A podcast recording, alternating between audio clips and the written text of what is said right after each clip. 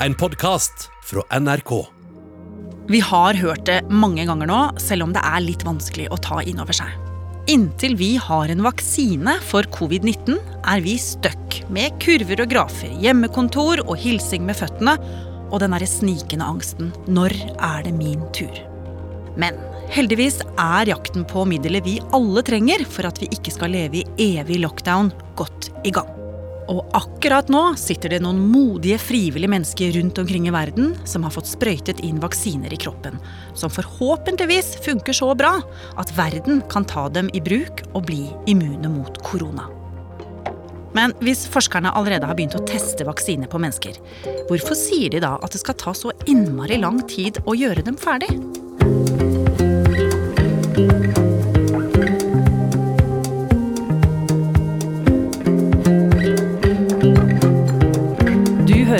Oppdatert. Jeg heter Ragna Nordenborg. Se for deg verdenskartet, og så er det 115 røde prikker rundt omkring. Veldig mange av de prikkene er i USA, en del i Europa, noen i Sverige faktisk, en i Australia, flere i Asia.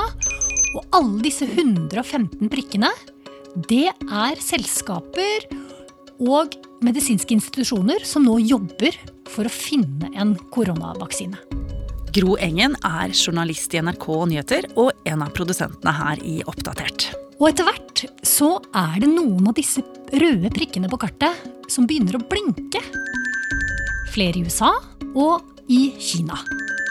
Og i alt nå så er det fem slike røde prikker som blinker. Og det betyr at disse har begynt å teste vaksinen på mennesker. De har funnet en vaksine som de tror er god nok for deg og meg. Men dette er jo veldig gode nyheter. Ja, ikke sant? Og den første som fikk eh, vaksinen, som da kan bli en koronavaksine for deg og meg, det var en tobarnsmor i Seattle.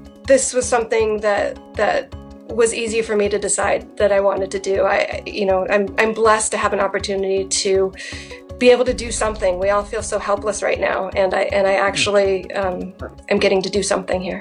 Hun heter Jennifer Haller. Hun er 43 år, har en hund og er ikke smittet av korona. Hun er helt frisk, for det er veldig viktig i denne første fasen, fase 1 som det heter, at de som er med da, en mellom 20 og 50 personer som skal teste ut denne vaksinen, eh, de må være helt friske, og det har gått veldig grundig til verks for å undersøke det.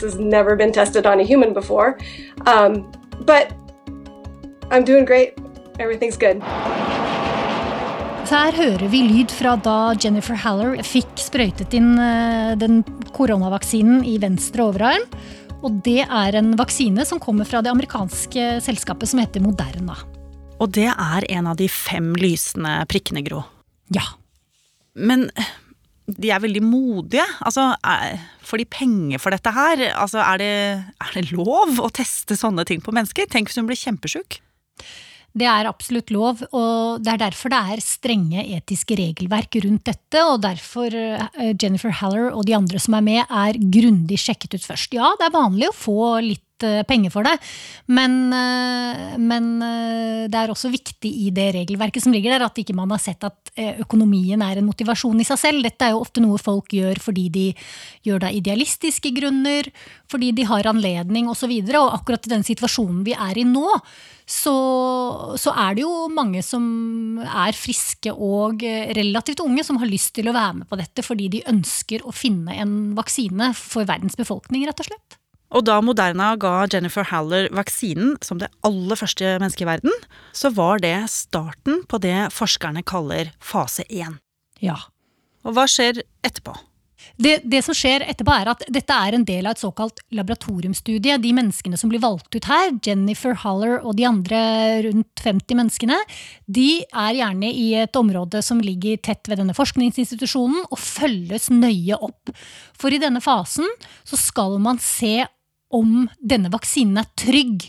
Det er det viktigste. Er den trygg? Blir de syke? Får de alvorlige bivirkninger? Det er det aller viktigste å finne ut her. Og så begynner de forsiktig også å sjekke ut dette med immunrespons, men trygghet er denne fasens viktigste mål. Så det Jennifer og de andre testkaninene blir utsatt for i denne perioden her, i fase 1, det er ikke å sjekke om hun øh, blir immun mot covid-19, men det er å sjekke om hun blir dårlig av det. Ja, først og fremst er det å undersøke om vaksinen er trygg. De har jo gjort gode studier i laboratoriet på forhånd som gjør at de tror at dette er en vaksine som virker. Ellers så ville de jo aldri gått i gang med å prøve det på mennesker. Men, men de er nødt til å kontrollere en liten gruppe først for å se på mulige bivirkninger. Men når er det de finner ut om den virker mot korona? Ja, Det skjer i fase to og fase tre. Uh, we'll enter hopefully phase two trials in the spring, perhaps early summer.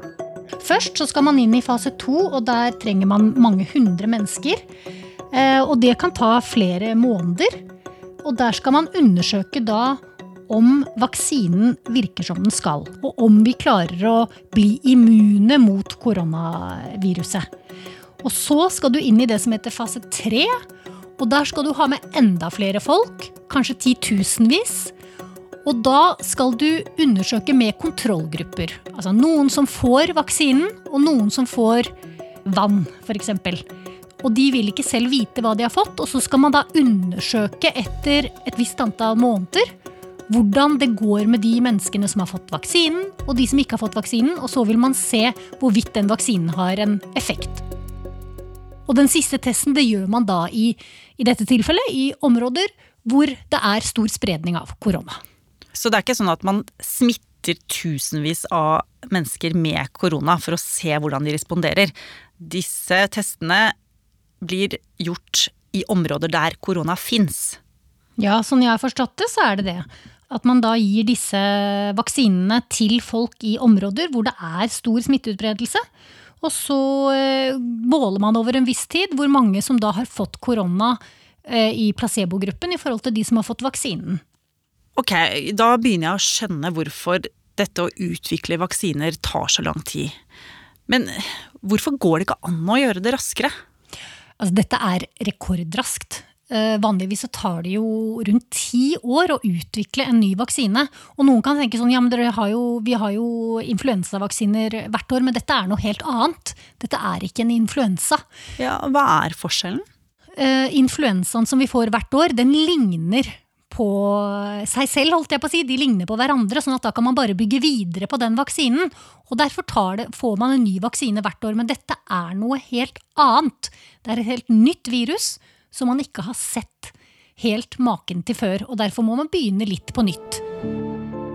Så grunnen til at det tar lang tid å lage en koronavaksine, er at koronaviruset er helt nytt. Så vi må begynne litt på scratch.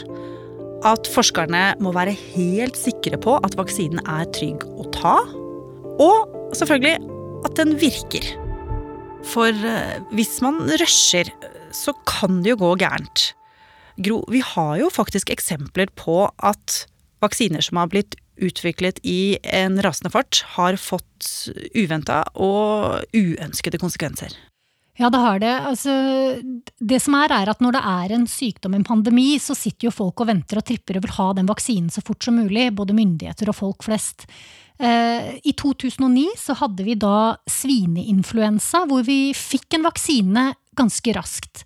Men denne vaksinen, Pandemrix, den hadde noen konsekvenser som ingen hadde forutsett. Etter flere år så var det da barn i Norge som hadde fått Pandemrix, som endte opp med å få en sånn sovesyke narkolepsi, som de da kunne knytte tilbake til vaksinen. Men det som sies om vaksiner, er jo at det er noe av det tryggeste man får av medisiner. Vaksiner er trygt. Men det er en risiko med alt, også med vaksiner. Men Gro, du har jo sagt at det er 115 ulike firmaer som konkurrerer om å lage en vellykka koronavaksine. Og noen kommer til å lykkes, høyst sannsynlig. Men spiller det da noen rolle hvilke av disse firmaene som lykkes? Altså, er det, er det noen som kommer til å holde vaksinen for seg selv og ikke ville dele den med resten av verden f.eks.? Altså, vi vil jo også ha denne vaksinen. Ja, dette har det vært saker om, eller særlig én sak, da. Og det gjelder eh, USAs president, som hadde et møte med flere av de eh, vaksineforskerne i en tidlig fase. Og et av disse selskapene som hadde kommet langt da, var et tysk selskap som ikke tilhørte USA. Og da sier historien at han skal ha tilbudt dem en milliard dollar for å komme til USA, og lage den vaksinen for Amerikas befolkning. Nå har eh, selskapet avkreftet at den historien stemmer, men det var på et sånt nivå at tyske politikere var inne og kommenterte på dette.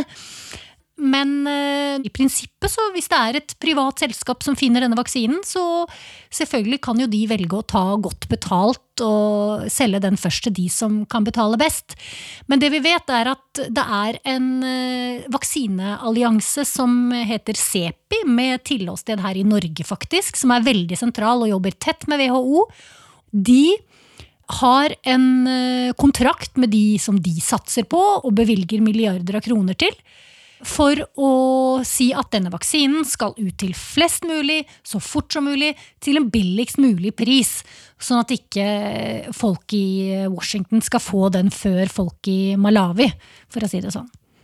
Det er jo veldig gode nyheter, Gro. Altså, Vi har ikke vaksinen ennå, men det kan tyde på at når den kommer, så skal både du og jeg og alle som hører på denne podkasten, men også andre folk rundt omkring i verden, få satt den i armen sin. Det er jo det selvfølgelig de fleste av oss håper på. Så har det jo fram til nå i prosessen i hvert fall vært eh, helt nye former for deling av informasjon. Og et samarbeid som eh, forskerne sier de ikke har sett før. Sånn at det tyder jo i alle fall veldig bra for fortsettelsen.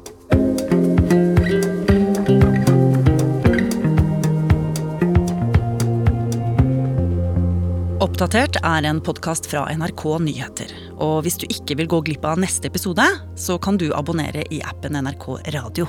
Bare søk på Oppdatert, så finner du oss. Denne episoden var laget av Gro Engen, Petter Sommer og meg, Ragna Nordenborg. Vil du kontakte oss, gjør det på oppdatert krøllalfa nrk.no. Du har hørt en podkast fra NRK. Hør flere podkaster og din favorittkanal i appen NRK Radio.